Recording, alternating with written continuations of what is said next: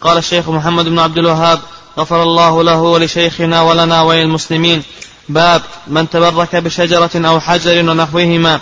طيب بسم الله الرحمن الرحيم. الحمد لله رب العالمين والصلاة والسلام على نبينا محمد وعلى آله وصحبه أجمعين. تقدم لنا ما يتعلق بالرقى والتمائم وتقدم لنا أن المؤلف رحمه الله قال وله عن إبراهيم كانوا يكرهون التمائم كلها من القرآن وغير القرآن. التمائم وكما عرفها المؤلف رحمه الله تعالى بأن التمائم شيء يعلق على الأولاد من العين لكن إذا كان المعلق من القرآن فرخص فيه بعض السلف وبعضهم لم يرخص فيه ويجعله من المنهي عنه منهم ابن مسعود رضي الله عنه. فالتمائم تنقسم إلى قسمين. نعم التمائم تنقسم إلى قسمين.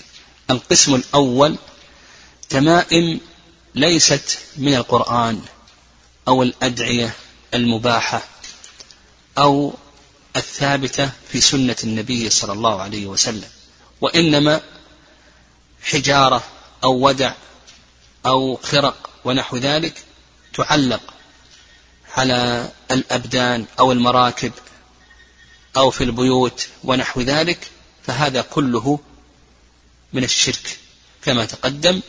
وإن اعتقد أنها تنفع وتضر من دون الله فهذا شرك أكبر. القسم الثاني التمائم التي من القرآن أو من السنة. أو الأدعية المباحة نعم من القرآن أو من السنة أو من الأدعية المباحة. فهذه اختلف فيها العلماء رحمهم الله على ثلاثة آراء. الرأي الأول ما أشار إليه المؤلف. قال وله عن إبراهيم كانوا يكرهون التمائم كلها. الرأي الأول رأي ابن مسعود وأصحابه.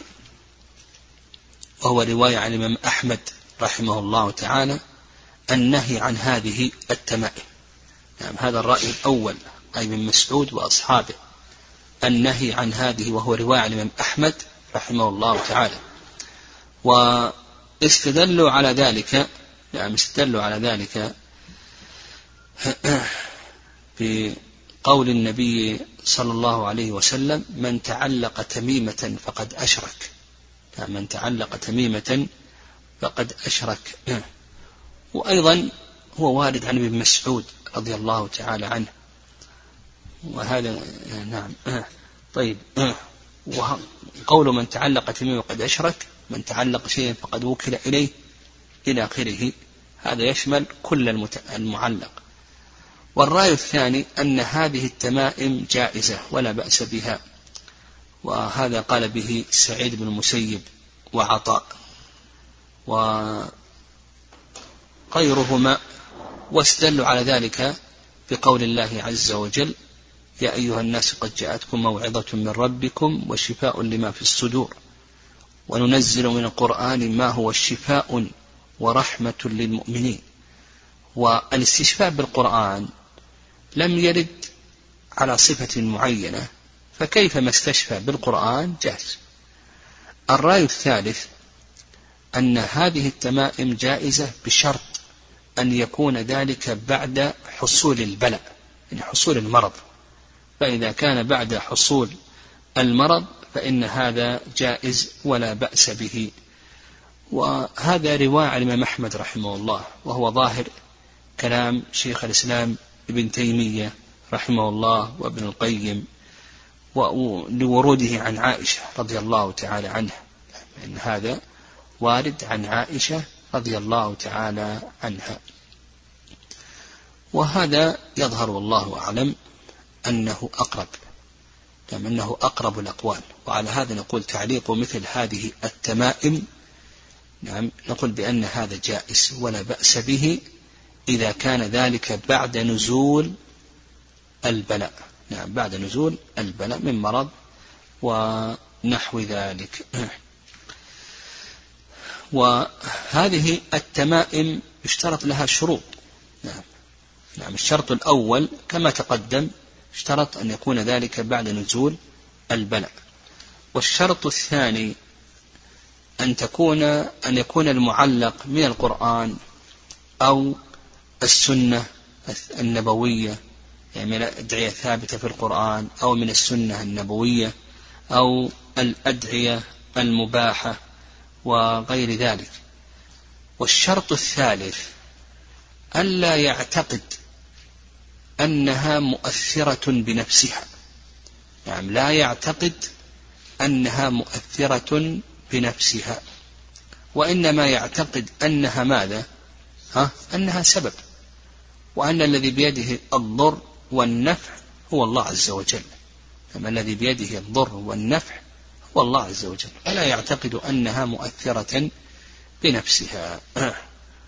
والشرط الرابع آه، ألا يؤدي ذلك إلى إهانتها ما دام أنها من القرآن أو من الأدعية المباحة والثابتة في السنة لا يؤدي ذلك إلى إهانتها.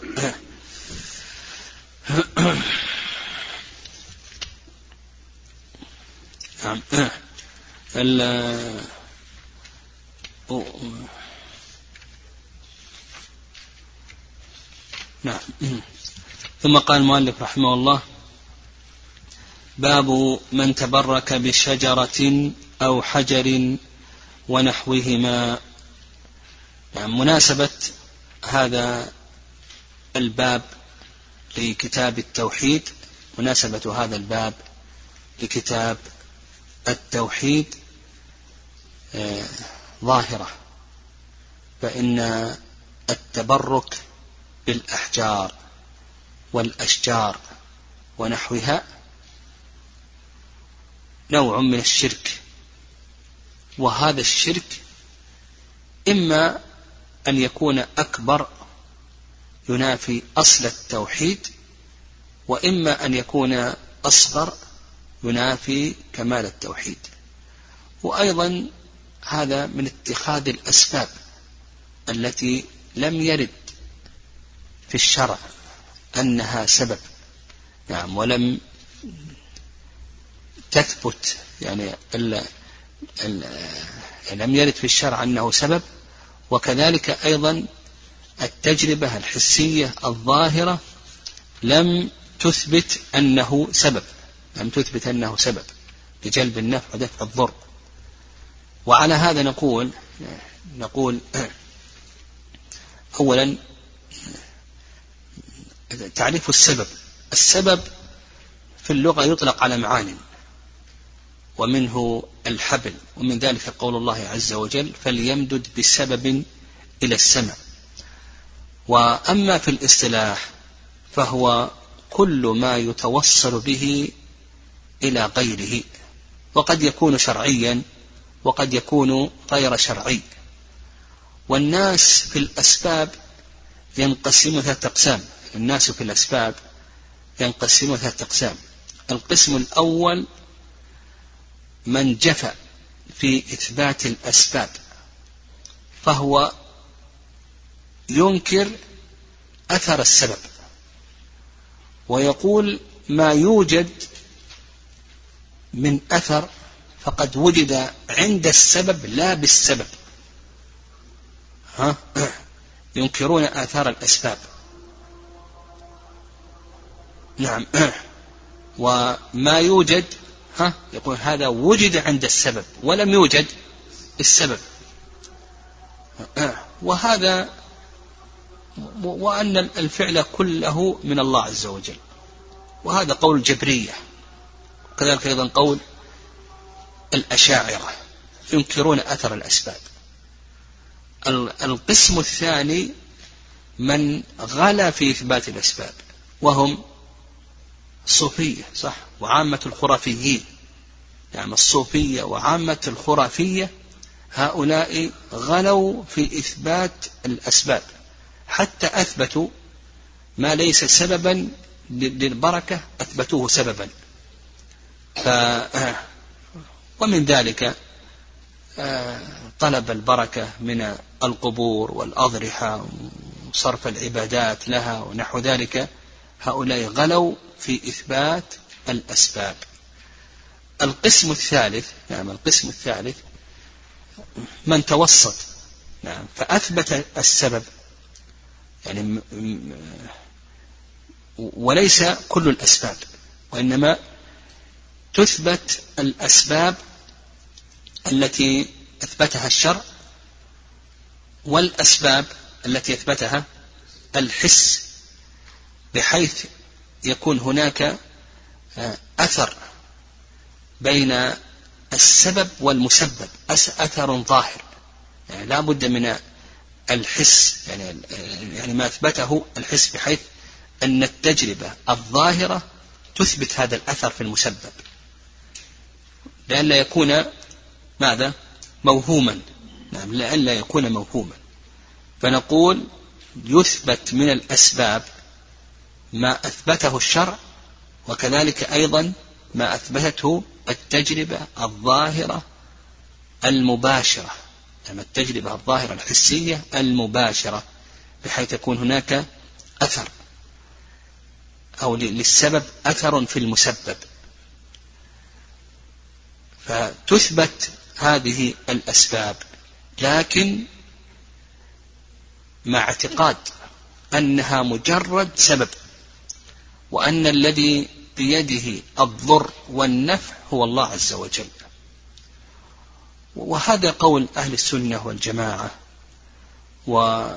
وأيضا مع إثبات, مع إثبات أنها سبب واتخاذها هذا لا ينافي التوكل. يعني هذا لا ينافي التوكل. لكن آه، كما قال شيخ حسن تيمية رحمه الله التفات القلوب إلى الأسباب شرك في التوحيد. يعني التفات القلوب للأسباب شرك في التوحيد. فأن تتخذ السبب ومع ذلك لا تعلق قلبك بالسبب وإنما تعلق قلبك بالله عز وجل. لا يلتفت قلبك لا يلتفت قلبك إلى السبب. وسيأتينا إن شاء الله في آخر الأبواب التي سيتكلم عليها المؤلف رحمه الله تعالى. وهذا لا شك أن هذا القول هو الصواب وهو الذي دلت له الأدلة فإن الله سبحانه وتعالى أمر باتخاذ الأسباب وأعدوا لهم ما استطعتم من قوة. وقال سبحانه وتعالى وخذوا حذركم. والنبي صلى الله عليه وسلم لما خرج إلى أحد ظاهر بين الدرعين وقال وهزي إليك بجذع النخلة. إلى آخره. فامشوا في الأرض و... نعم هو الذي جعلكم الأرض ذلولا فامشوا في مناكبها. إلى آخره. فاتخاذ الأسباب دلت له الأدلة من القرآن ومن السنة والأدلة في ذلك كثيرة متظاهرة. فالخلاصة في ذلك أنه لا يتخذ إلا ما دل عليه الشرع أو دلت عليه التجربة الحسية الظاهرة المباشرة وأيضا مع ذلك لا يعتقد أنه مؤثر بنفسه أو أنه يستقل بالضر والنفع فإن الضر والنفع بيد الله سبحانه وتعالى. وأيضا التفات القلب إلى هذا السبب فهذا شرك في التوحيد كما نص عليه شيخ الإسلام تيمية رحمه الله وكذلك أيضا ابن القيم. قال رحمه الله تعالى باب من تبرك بشجر أو حجر ونحوهما. نعم. التبرك طلب البركة. نعم. والبركة بمعنى الثبوت والدوام وكذلك أيضا الزيادة والنمى. نعم الثبوت والدوام وكذلك أيضا الزيادة والنمى. وقال المؤلف رحمه الله من تبرك بشجر أو حجر ونحوهما يعني نحو الأشجار والأحجار كالتبرك ب يعني كالتبرك بالقبور والأضرحة أو التبرك بما ورد الشرع بالتبرك به لكن على غير الوجه الوارد. فمثلا المساجد أماكن للبركة لكن ما هي البركة الموجودة في المسجد؟ أن تأتي وتصلي فيه وتذكر الله وتقرأ القرآن ونحو ذلك.